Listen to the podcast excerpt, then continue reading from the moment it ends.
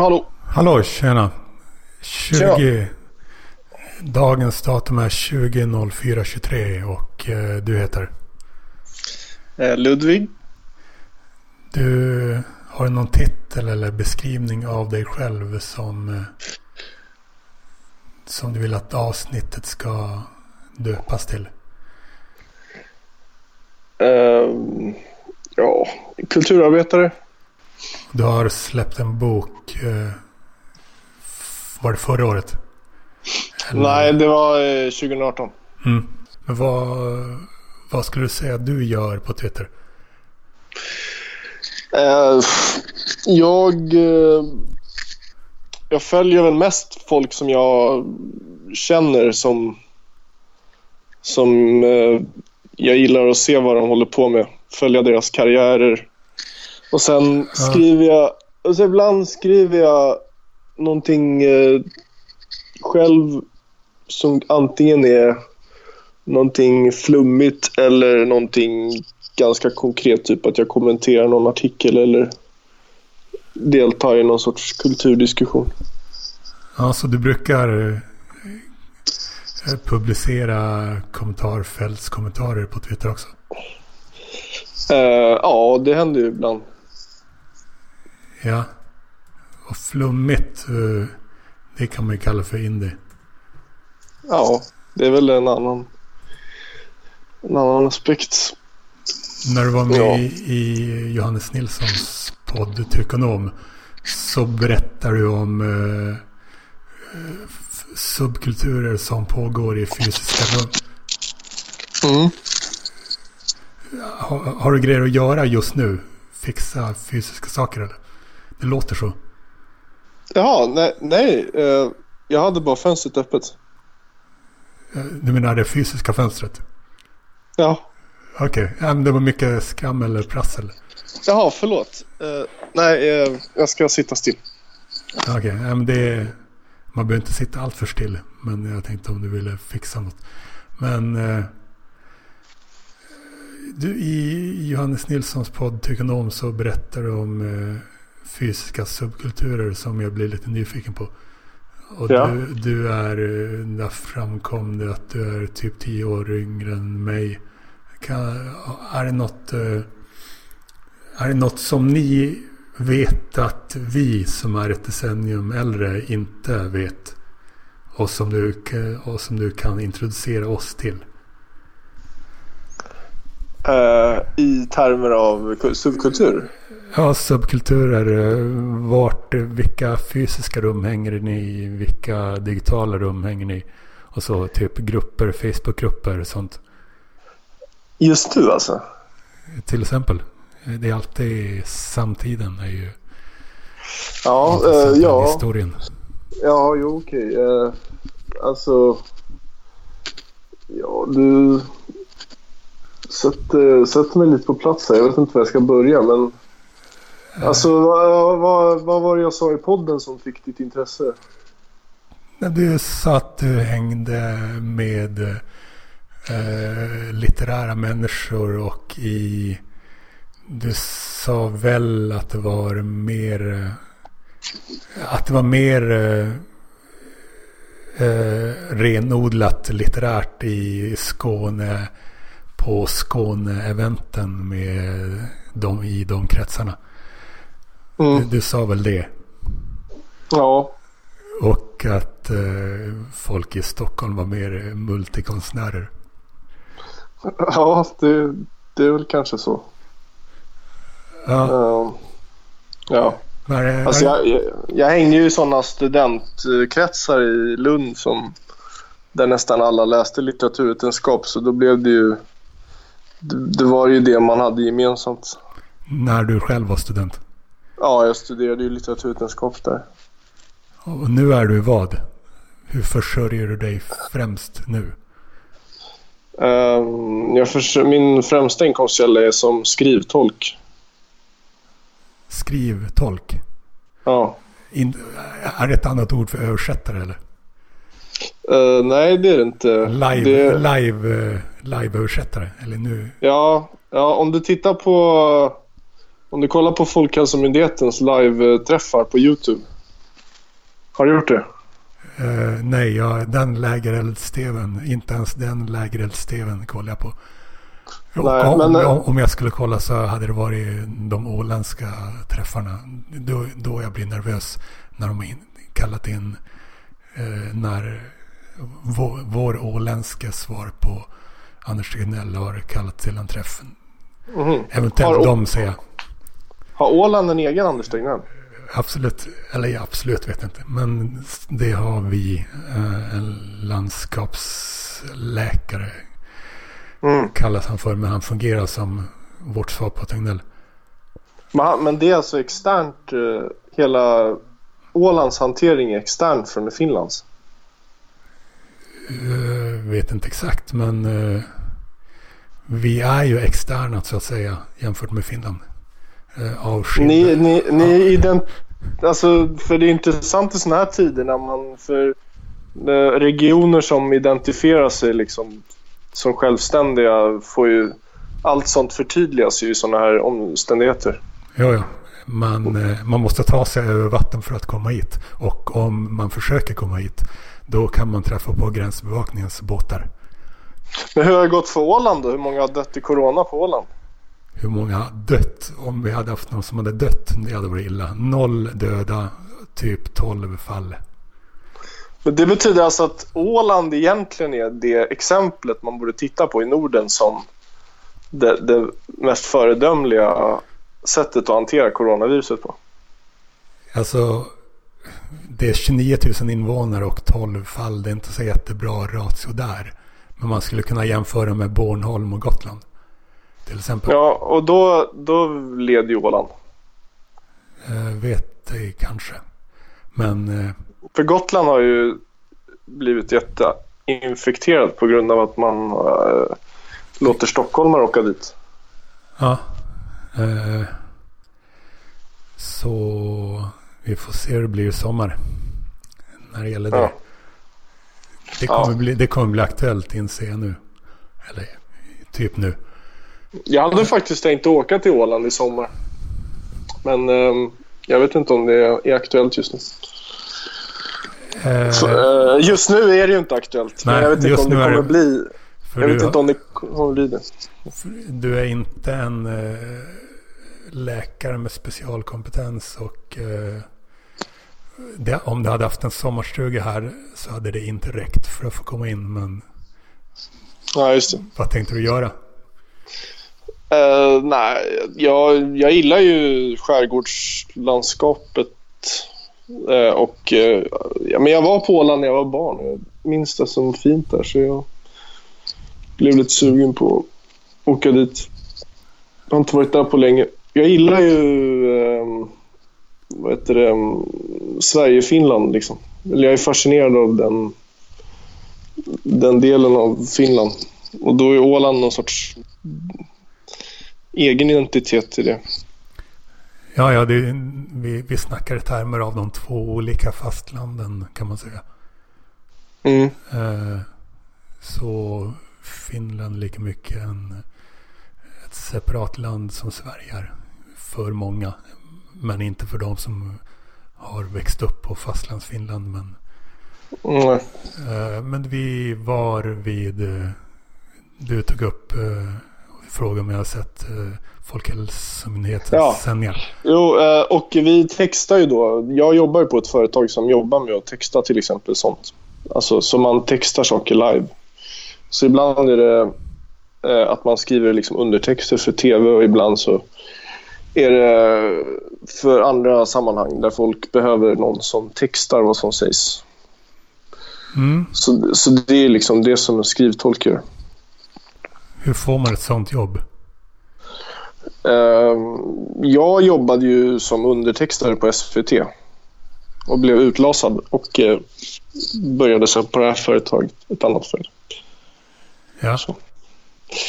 Nu... Eh, och eh, att jag började på SVT var för att jag såg att de hade behövde, sökte folk till den avdelningen och så sökte jag mm. sökte det jobbet och fick göra test och så fick jag jobbet. Ja, och, det, det nuvarande fick du för att du tidigare jobbade på SVT kan man säga? Ja, precis. Ja.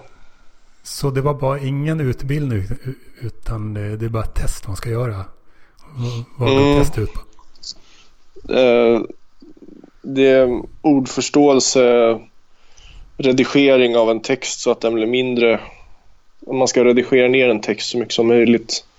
Och sen så är det test som eh, där man eh, testar hur snabbt man skriver på en hemsida som heter Ten Fast Fingers. Mm. som, ja. Uh, inget tjafs utan rena tester. Jag gillar sådana jobb. Gillar. Ja. Uh, ja, jag med. Det, det är schysst. Det, det är välkommet när man har en så här fluffig utbildning som jag har så är det skönt att veta att man kan uh, klara någonting konkret också. Mm. Du, ja. Och du, var det något du ville Eh, några hemliga subkulturer som du vill tipsa om eller något? Um, just nu? Um, ja, om jag tipsar om dem så blir de ju inte hemliga längre. Exakt. Men uh, uh, ja, alltså. Jag är ju förtjust i um, skönlitteratur. Alltså. Det, det finns ju någon sorts... Eh, det är ju, är ju någon sorts subkultur. Alltså folk som skriver och läser och sånt. Mm. Jag... Eh, den, den kan jag tipsa om. Den, alltså folk tror den... att det är hemligt, men det är inte så hemligt. Vilken den menar du? Alltså, eh, nej men alltså liksom skönlitterära, icke-kommersiella litteraturvärlden typ. Ja, men det var inte mer konkret än så. Det är den du tipsar om. ja. ja, men det finns, alltså, det finns en missuppfattning om att eh, den skulle vara sluten och så, men det upplever inte jag att den är. utan det, alltså Man måste ju ha ett intresse såklart, men om man är intresserad så, där, så det är bara att hänga på. Mm, jag, eh, jag gick på ett eh, poesievent i höstas. Vid, Vilket då? Skanstull var det, jag minns, minns inte exakt vad den restaurangen hette, men nära under bron, lokalen. Ja. Det var ett, ett packat vardagsrum kan man säga. Kanske okay. 20-30 pers där inne. Ja. Och helt enkelt uppläsning av texter. Okej. Okay. Minns du vad de hette, de som läste upp? Elis Brå till exempel. Han var där. Ja, okej. Okay. Men du, han, eh, han är kopplad till eh, förlaget Itlit eh, på samma, liksom du är. Ja. Och vad kan, hur kan man beskriva det förlaget? Är ni är ni nyskapande på något sätt som man också borde fatta? Uh, ja, alltså. Det som...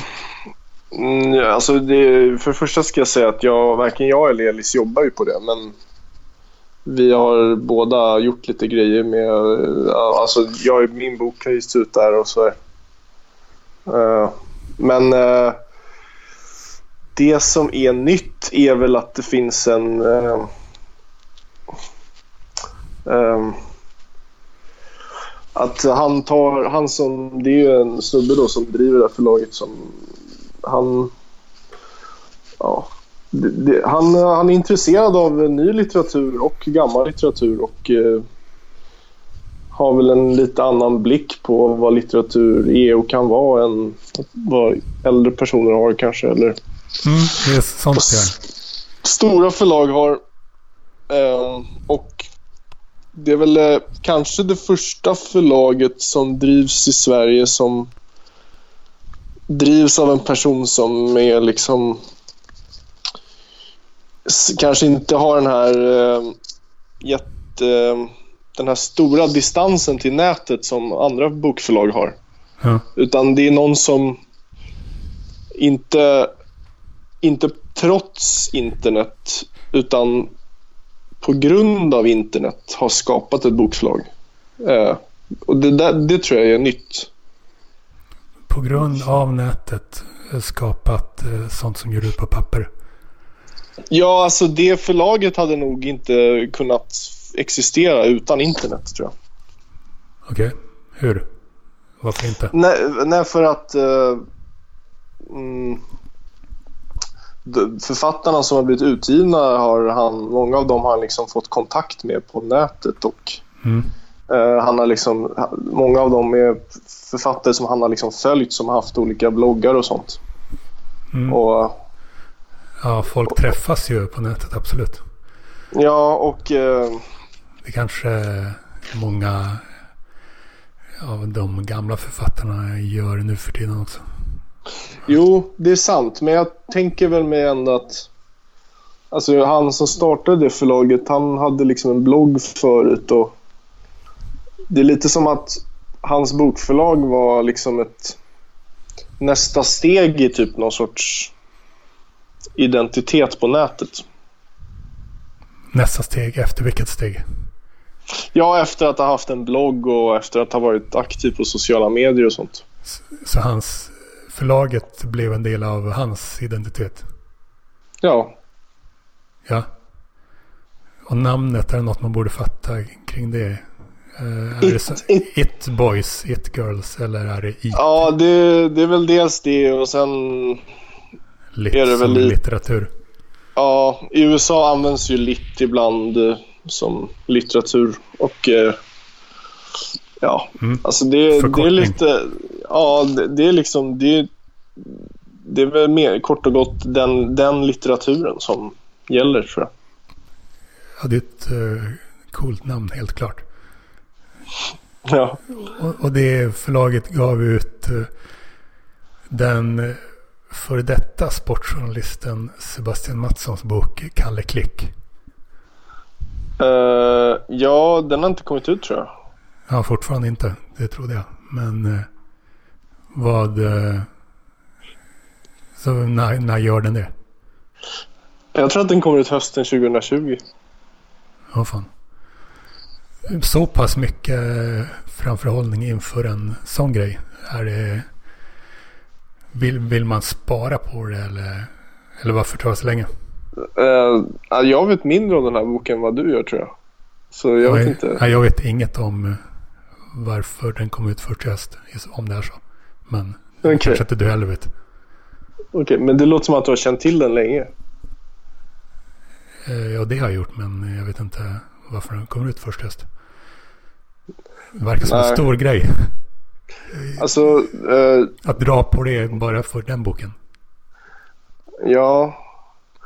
Alltså i bokvärlden är det ju så att man vissa, vissa böcker helt enkelt behöver fixas till och så. Och sen så vill man kanske ha med dem i någon katalog och sådär så. Det kan ju ta lite tid. Katalog. Vad för katalog? Ja, Svensk Bokhandels katalog till exempel. Det är den här branschorganisationen. Snackar vi om en fysisk grej på papper? Ja, det, det, jag tror den är både fysisk och digital. Okej. Eh, Men, men alltså vad den här Kalle Klick, jag känner inte till den så bra. Kan inte du berätta om den? eh, det, han, är, han skriver väl utifrån egen erfarenhet eftersom han eh, jobbade med att samla in klick på Expressen tidigare. Och nu gör han eh, kanske lite samma sak på Svensk Damtidning. Jaha, han jobbar på Svensk Damtidning nu. Just det. Det, låter, det lät som ett eh, nerköp tydligen. Men tydligen så eh, har han bättre betalt nu. Ja, okej. Ja, det kanske är det viktigaste i sammanhanget. Eh, en grej som jag skickade dig innan det här var eh, mitt koncept användarneutralitet. Då Ja. visste du ingenting om det. Det kanske du fortfarande inte vet. Mm, jag har läst på lite faktiskt. Läs på, okej. Det, det är inte en lång text. Det är en rätt eh, kortfattad men eh, Mm. koncis text. Ja. Hoppas jag. Vad, mm. vad tycker du om det konceptet? Um, jo, alltså inledningsvis tyckte jag att det var lätt rimligt. Men sen har jag ändrat mig lite och känner väl att det låter, låter lite bättre, låter lite för bra för att vara sant och även lite... Eh, alltså, det, det, det, finns någon sorts brist på kännedom om eh, hur liksom mänskliga livet fungerar tror jag. Ja, man kan ju ändå satsa på något annat. Eh, det är inte lätt att få folk att fungera på ett helt annat sätt. Och bli mindre personfokuserade. För väldigt många är, berörs starkt av, de berörs starkare av eh, personer än av eh, händelser och idéer kan man säga. Ja. Men tror du att du skulle tjäna på användarneutralitet?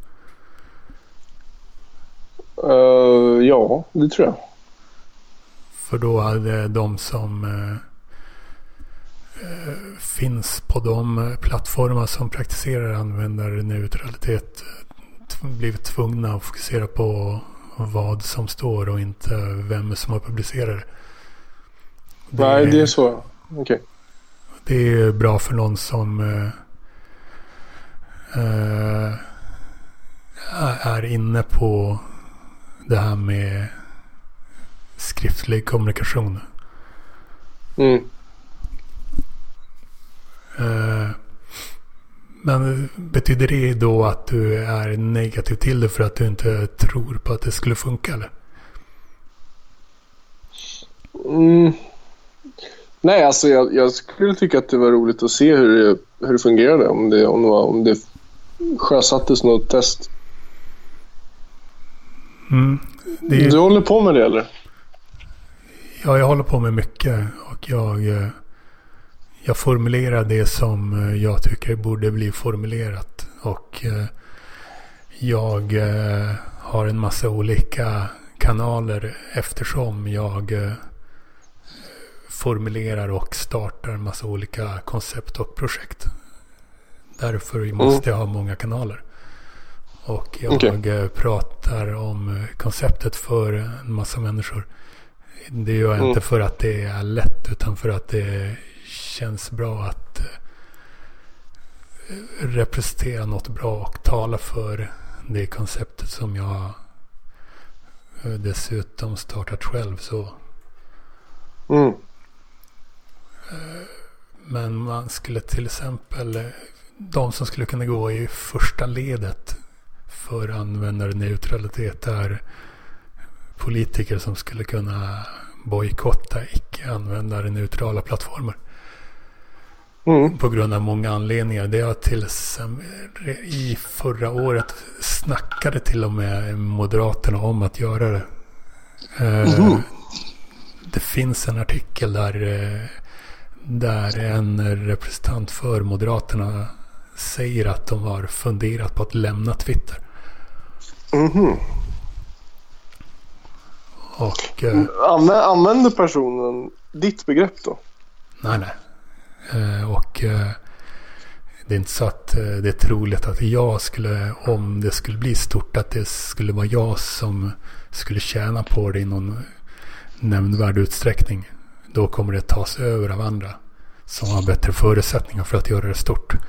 Men mm. Eh, det är alltid någonting att kunna ha skapat ett koncept och eh, formulerat konceptet och döpt konceptet. Det är alltid någonting. Ja. Så det är, det är bra. Det är ett fungerande samtalsämne som jag kan ha med typ alla. Alltid. Mm, jag förstår. Vad gör du när det gäller politik? Står för någonting? Uh, ja... Offentligt, alltså publikt? Ja, jag... Uh, jag har ju då engagerat mig lite grann i um, olika byggnadsprojekt i Stockholm. Ja, det är nästan... Uh, Det känns nästan lika mycket som estetik som politik. Men... Ja, eh, fast det intressanta är ju att estetik och politik hör ju ihop. Alltså det finns ingen politisk rörelse som saknar en estetik. Även om man kan tro det. Du snackar alltså om att eh, du, du befinner dig på en av sidorna i bygg högre eller bygg lika lågt eller bygg lägre? Nej, jag har väl mer intresserat mig för ganska specifika projekt som, som till exempel det här Nobelcentret som inte blev av. Och sen var jag lite delaktig i Apple Apples flaggskeppsbutik som skulle byggts i Kungsträdgården. Okej. Okay. Uh, det är samma, och, samma style på frågorna. Så då blir det helt enkelt frågan för eller emot. för, för eller emot vad då? Apple-butiken och Nobelcentret. Ja, jag är emot naturligtvis. naturligtvis. Ju... Jag hade tippat på det motsatta. Jag, jag trodde det fanns två sidor. Men det kanske inte det gör heller. Du är emot naturligtvis. Uh, ja, alltså bygget av de här byggnaderna. Just det. Det är det du ja, alltså emot. Och ja. det, är, det, är naturligtvis på grund, eller det, det borde man ty, tycka eh, kännas som naturligtvis eftersom man vet. Ja, jag visste uppenbarligen inte tillräckligt mycket om det innan. Eftersom jag inte det var självklart. Men, eller vad menar du med naturligtvis? Nej, men det, det finns liksom ingen... Eh det finns ingen folkopinion, det finns inget folkligt stöd för de här, den här typen av byggnader. Och det är liksom en... men, men anpassar du din åsikt efter hur opinionen är? Uh, I det här fallet så tycker, jag, fallet. Inte att, Eh, tycker jag inte att man kan um, bortse från att det faktiskt det handlar om byggnader som ska, som ska liksom existera i ett sammanhang. Så då är det ju av intresse att veta hur de som rör sig i sammanhang eh, i, det här, liksom, i de här miljöerna ser på det. Men så kan inte alla tycka. Det hade blivit konstigt om alla hade resonerat så. Att jag vill... Då hade ingen, ingen, hade, ingen har stått upp för sin personliga åsikt då utan bara... Nej men eh, det, det, tror jag inte för att eh, just när det kommer till eh, de här platserna så är ju de... Det är liksom inte en person som äger dem. Utan det är ju, det är ju då offentliga miljöer som politiker har eh, fått ansvaret att på något sätt förvalta. Och det kan uh, de ju förvalta på olika sätt. Ja, men det är, i, som jag ser det så har så är, liksom, så är det sociala kontraktet med de här områdena utformat så att det ska ske no i någorlunda harmoni med en, eh, befolkningen. Alltså man kan ju såklart inte alltid i alla steg ta hänsyn till liksom alla, allas röster men mm. just, de, just de här Nobelcentret och eh, Apple-butikerna var ju då Uh, de var inte, alltså det var för mig ett ganska tungt argument att det var liksom ingen som tyckte att det var bra. Okej, okay, förutom med politikerna i, i stadshuset skulle kunna räkna med mer skatteintäkter, åtminstone från Apple-butiken. Vad, vad var Nobelsättet? Ja. Vad, vad skulle ja. det vara för något? Uh, ja, det skulle då vara någon sorts um, um, ett konferenscentrum och en uh, ett uh, utställningsbyggnad och typ någon form av museum. Ja. Uh, med, ganska anpassat för turister egentligen. Som jag förstår. Ja, det är ju inte lika säkert kort när det gäller skatteintäkter. Speciellt inte i de här tiderna in, mm. inom pandemin. Men ja. Men vad det också handlade om var att de skulle riva ett gammalt hus då. Eh, som, som låg på Blasieholmen, som ligger där. Mm. Eh, men, men, men man kan i alla fall säga att du, nu är det mycket prassel igen. Väldigt mycket. Ja, förlåt. Eh, man kan i alla fall säga att du representerar många tidigare stockholmare. Eh, från historien. Okej. Okay. Ja, kanske. Men på det jag kommer att tänka på att du, du har skrivit en text i Kvartal där du skriver om eh, det lokala och eh, olika tandförfattare. Mm. Skulle du säga att du är eh, mer lokal än många andra stockholmare? Det låter så när du snackar om de här frågorna. Uh, nej, jag är väldigt fascinerad av det lokala och vad, vad det kan göra med en själv och vad, vad det innebär att vara lokal. Alltså jag, jag mm. känner inte riktigt att jag, jag vet det, så det är liksom ett undersökande arbete. Ja, du, du har det ständigt lite... Du tänker på det ofta helt enkelt. Du kan inte låta bli att tänka på det. Ja, nej, precis. Nej, men jag... Eh, jag tycker det är intressant att fundera på vad, vad det är för miljö man själv har växt upp i och vad det är för liksom, miljö man lever i idag. Mm. Alltså, det ligger liksom nära till hands om man är en skrivande person. Alltså. Det är liksom att vara lokal? Ja, alltså det, det, är ett av, eh, det är ett av skönlitteraturens liksom ansvarsområden att eh, undersöka sånt. Okej, okay. det hade jag ingen aning om. Men skulle du säga att, skulle du säga att författare är mer lokala i sinnet. Är de eh, författare verkligen anywheres så att säga? På den här somewhere anywhere-skalan. Ja, alltså författare kan ju vara lite vad som helst men, ja, men det, finns, ju... det, finns en, det finns en aspekt av att vara författare som, eh, som är liksom som är viktig i det här och det är att författaren Alltså en författare har en möjlighet att liksom samla upp vad som är lokalt och presentera det. Om man väljer liksom, det. Eh, ja, exakt. Eh, och det, eller det, är någon, det är i alla fall en uppgift som romanförfattare liksom historiskt har haft. Eh, att beskriva detaljer. Ja, att beskriva liksom, sin hemmiljö och ens uppväxtområde och liksom sitt, sitt sammanhang. Det är liksom realismen. Realismen handlar ju om det. Att man skriver om det. Brukar du gå och tänka på att det är många andra som inte är lika lokala? Brukar du märka sånt? Ja, det, det är ju klart att man tänker på sånt. Alltså det är väldigt... Eh, alltså bara min stad Stockholm har ju liksom förändrats väldigt mycket på ganska kort tid också. Alltså mm. så, sånt man aldrig ens behövde fundera på har ju idag blivit vardagligt på ett sätt. Ja, så Stockholm och Sverige är ju rätt föränderligt i ett jämfört med andra europeiska samhällen och städer. Men inte ja, jämfört eller... med Dubai liksom. Nej.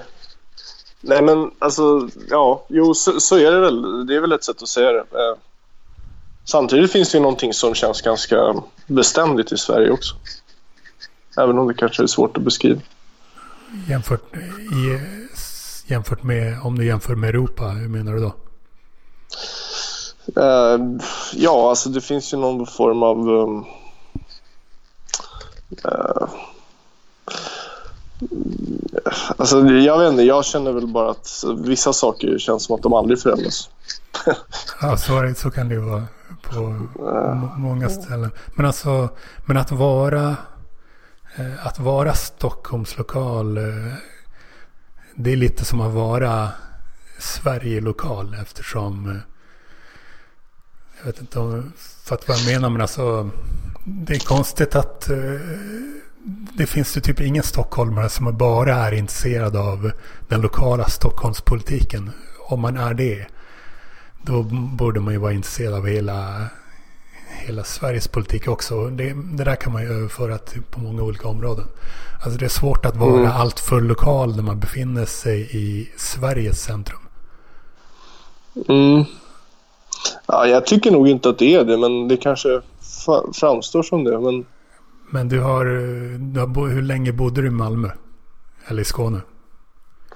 Uh, ett år ungefär. Ja, det är inte allt för länge. Du kan, det är det enda du har bott utanför Stockholm eller? Ja, jo. Jag har, bo, mm. jag har, bott, i, jag har bott på västkusten en sommar. Och, ja, en sommar. Ja. Låter inneboende en sommar någonstans. Ja. Ja, det låter spännande. Jag jobbade faktiskt på en lokaltidning i Falkenberg. Okej.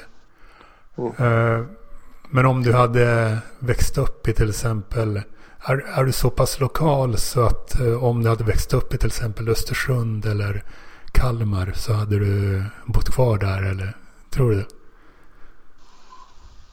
Mm. Jag vill ju tro det men... Du vill tro det? det men jag... Jag vet inte... Jag vet inte hur det är i de städerna egentligen så jag kan inte säga om det är vad det är för typ av person som bor kvar eller flyttar därifrån. Uh, ja, det, jag, jag, vet inte, jag fiskar efter, efter att du eventuellt skulle kunna uh, tänka dig in i det. Nej, men låt, okay, låt säga att jag, jag hade varit en sån person som hade stannat kvar i så fall. Du tror att det hade varit tänkbart åtminstone? Så då, då, finns det, mm. då kanske det finns någon lokal eh, kärna i dig verkligen. Det låter så. Ja. Om du fast, är beredd att gå så långt så att du verkligen väljer den, att verkligen uh, påstår att du absolut skulle kunna ha bott kvar. Ja, eller snarare kanske det handlar mer om att uh, det är så off att vara lokal så att det är någonting som har intresserat mig. Off? Enligt? Ja, enligt en generell bedömd beskrivning av vad som är på och av. Ja, det vill säga coolt, icke coolt eller? Det betyder på, ja, på och av fortfarande det? Ja, ja, typ. Jag kollade precis på Percy tårar så jag tänkte på det. Vad är den grejen? Att det, folk i din ålder kollar på det fortfarande? Ja, ja vad, vad är med det? Det är för att det är bra tv. Det är bra kvalitet. Okej. Okay. Hur, hur, hur, hur har du liksom... Det känns en tröskel till att du skulle kunna uppleva det så. Det har inte påverkats. Det har inte påverkats. Jag var typ fem... Percy Tore, det, det, var, det kom när jag var... Den andra halvan av 90-talet kom det på va? Ja, jag tror 97 året producerades. Ja, då var jag 17 och eh, då fick ju mitt intresse för det draghjälp av att eh, det var nytt och eh, det promotades av SVT och det fanns bara tv typ. Då fanns det inte mycket kul internet. Men du ja, alltså, men hur, hur, hur, hur har det gått till när du har börjat kolla på det egentligen? Hur går det sånt till för er? alltså, ja, ja, alltså jag, jag såg ju då Nile City när... Det har, det har också sett? Det kom ännu tidigare. Ja, Nile City såg jag hemma hos min kompis. Eh, som vars mamma hade spelat in det på VHS. Ja, så går det till alltså. Och då, och då såg jag det när jag kanske var nio. Ja. Så jag kanske, jag kanske såg det 98. Okej. Okay. Uh, ja, i och för sig. Ja. Jag, Nile City kom kanske 95 eller något sånt. Men uh, ja. Men då tyckte man ju, alltså när, man var, när jag var så liten tyckte jag liksom, då tittade man ju mest för Robert Gustafsson för att han var ju så jäkla rolig. Och ja, alltså Percy Nilegård var ju också rolig. Men ja. Ja, i och för sig. Men Robert Gustafsson var ju väldigt rolig redan då tyckte jag. Ja, och nu, nu, nu ser du på serien, eh, på ett annat sätt såklart. Än när du ja, sen, sen Persitora såg jag inte på helt och hållet förrän, eh, förrän långt senare faktiskt. Men sen kollade jag ju på Torsk på Tallinn såg jag när den kom. Minns jag. Mm. Uh, och så, alltså Killinge, ja det är liksom någonting man har följt och tyckt om väldigt mycket. Ja. Mm. Eh, jag känner mig väldigt formad av det faktiskt. Och, det, och nu när det är sån här eh, karantäntid har jag ju kollat på lite Percy tårar så att det är skönt att kolla på någonting där man bara kan slappna av. Uh, är det... Vad är det som du behöver just den för att slappna av? Eller vad menar du? Du, du slappnar, av, slappnar av när du kollar på... Inte när du kollar på YouTube eller? Vad är det som får just... Får Nej, men jag, jag, jag, jag, kollar mycket på Rederiet och, och Percy tårar och sånt. Jag, jag kollar på sådana gamla SVT-produktioner. Det är fascinerande. Eh, ja, det, det skänker en stor trygghet faktiskt. Trygghet? Ja. Eh, till skillnad från? Ja, jag vet inte om man skulle kolla på... Um, vad tittar folk på? Unorthodox? Jag vet inte. Jag tittar inte på de här HBO-produktionerna. Jag kollar aldrig på någonting sånt. Jag, jag sitter hellre och typ uppdaterar en, eh, någon tråkig sida. Typ. Jag gillar inte bara sitta och kolla på sånt. För det känns för passivt. Jag vill, aldrig, jag vill alltid vara redo för att göra något eh, liksom på nätet. Istället för att bara sitta, men där, okay. sitta och kolla på något. Eh, någon spelfilm eller serie. Ja. Eh, jag liksom... Jag, jag, ska se mitt, mitt liv som en film istället. Och ja, men på, det... påverka den filmen lite grann hela tiden. Ja, men det, det är jag nog också. Jag gillar, jag gillar att titta på mig själv när jag tittar på Rederiet kanske. du menar att du alltså, inte, inte tittar fysiskt utan eh, inte, men jag gillar, betraktar dig själv utifrån? Jag gillar kanske tanken på att jag tittar på Rederiet. Det, det, allt sånt ingår ju såklart. Jag vet inte, det behöver inte vara klart men så det gör det alltså? ja, jag, jag, jag är rädd för det. Eller inte rädd för det, men jag, jag befarar det. Men det är en viktig del av uh, varför du kollar på Rederiet?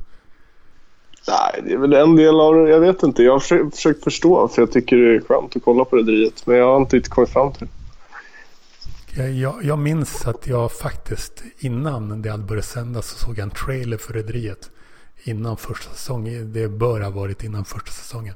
Då, då trodde jag att det där kommer bli stort. För den mm. så här speciell miljö.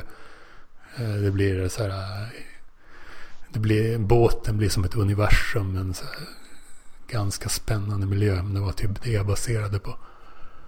Mm. Men kan du beskriva det där med trygghet mer? Jo men det jag vet inte, allt är liksom färdigt på något sätt. Man behöver inte tänka så mycket på vad som... På nuet och sånt. Det, det är, svårt att tänka att... på nuet? Nej, men jag vet inte. Det är svårt att förklara. Jag, jag har en kompis som kollar mycket på Beck och sånt. Det är lite samma grej där. Jag, det är liksom, man tittar på det för att det det är som att, eh, det är som att återse en släkting som man inte har träffat på länge. Okay. Typ, som man har växt upp med, som man känner. Man kan känna att man kan vara sig själv. Typ. Nuet. Vad... nuet? Vad, vadå nuet? Ja, du, du sa att du inte gillar att tänka på nuet. Hur skulle du sammanfatta nuet? Nuet? Nuet är kaosigt och osäkert och eh, fullt av eh, jobbiga beslut och eh, tråkiga omständigheter och eh, eh, ett jäkla tjatande hela tiden vilka, vilka sorters beslut? Ja, nej men beslut som rör eh, både på mikro och makronivå. Det är väl alltifrån att vad man själv ska ta sig till och vad som pågår ute i världen och vad som är, vad ska man säga? Ja, alltså det, det är mycket mer krav på att man själv måste fatta ett beslut helt enkelt. Ja, speciellt efter att du fick barn väl? ja, kul. Va? Ja, jo. När var det? Uh, två år sedan. Okej. Okay. Uh, eh, jag tror det var mer nyligt. Då har barnet blivit... Så här, det sägs att de som föds nu typ kommer det kallas för också för boomers av en annan anledning. Jag vet inte om det kommer att bli så. Att det blir en alltså. babyboom. Det kanske inte alls blir en babyboom alls. Men det, det, det, känner, det, känner, jag inte till. Jag har hört eh, folk snacka om det. Men så kanske Aha. inte blir. Nej. Förresten, men var, var står det i bygga högre eller bygga lägre frågan då? Om jag får uh, gå in på ett sånt man... kontroversiellt ämne. Uh, jag brinner inte så mycket för just den, den biten. Så alltså, jag har inget... inte ens det har du så mycket åsikter om? Alltså, jag har inte så mycket åsikter om just höjd på hus och sånt. Men, mm. äh, men det, det, kan väl också kallas för att, att det bryter av mot eh, en, ett arv, en tradition och mot den övriga staden. Mm. Men det finns faktiskt eh, en tradition av att vilja bygga högt. Beror på vad man menar med högt. Alltså om man ser på Frankfurt. De har ju, det är typ Europas Wall Street. Det är ett exempel på det. Eh, jag vet inte ja. Alls. Men, men hur, eh, hur, högt men, menar du? Vilka höjder snackar vi då om? Nej men eh, det finns en konstnär som heter Olle Bertling som eh, var känd på 50 och 60-talet. Och han hade ju en idé på att bygga en skulptur som skulle stå där eh, det här glastornet nu står på i centrala Stockholm, Sergels torg. Obelisken? Ja, just det. Känner du till den? Jo, jag känner till den. Sergels torg. Uh, ja. Nej, ja, förlåt. Nej, men, uh, jag menar om du känner till Olle Bertling. Ja. Uh, du sa den. Han känner inte till. Nej, okej. Okay. Nej, men han hade ju en... Uh, han hade ett projekt som, uh, som gick ut på att det skulle vara en, jätt, alltså en gigantisk skulptur som hette Asamk. Asamk? ja. Okej. Okay. Det, det, skulle vara en 85 meter hög uh, liksom metallskulptur. Och i ett av rören, det är så här, det är liksom Tänk dig typ fyra rör som sticker upp ur en... Det ser ut som ett träd fast det är, liksom, det är metallrör istället för grenar. Och i ett av rören så skulle det vara en hiss som man kunde åka upp till toppen med. Okej. Okay. Eh, och den typen av eh, projekt är inte jag så här odelat negativ till.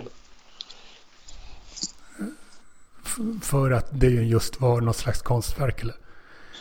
Ja, men visst. Alltså, om det finns en intressant eh, konstnärlig vision så är inte jag nödvändigtvis emot höga byggen. Men om det inte finns det så äh, blir du kanske mer emot? Ja. För att samma anledning som med Apple och Nobelcenter eller? Ja, det, typ. Jag, jag, jag, kan bara säga att jag, jag är bara tacksam för att det finns folk som bygger alls. Så får de bygga vad fan de vill, skulle jag säga. Och, för jag kan inte bygga själv. Det är anledningen att vara ständigt tacksam för folk som bygger. Mm. Och jag, jag förstår inte grejen alls. Liksom, jag hade inte kunnat jobba som en byggnadsingenjör eller knappt som en byggarbetare heller. Förmodligen inte Nej. som en byggarbetare alls. Ja. Eller jag hade kunnat göra det fysiska kanske. Okay. Men när det blev svårt med allt annat så är jag bara tacksam för att det byggs. Det är så fascinerande hur jävla många, mycket som det byggs eh, i hela världen hur det alltid har gjorts. Det, det är jag alltid fascinerad över. Man kommer till typ Santiago i Chile. Och där är en helt ny värld av eh, sjukt många höga hus liksom. Mm. Otroligt många Homo sapiens som kan bygga saker. Mhm. Sånt jag, jag har förmågan att känna tacksamhet över det. Mm. Förresten, hur- gick det till när du fick in texten? Du har skrivit minst två texter per kvartal.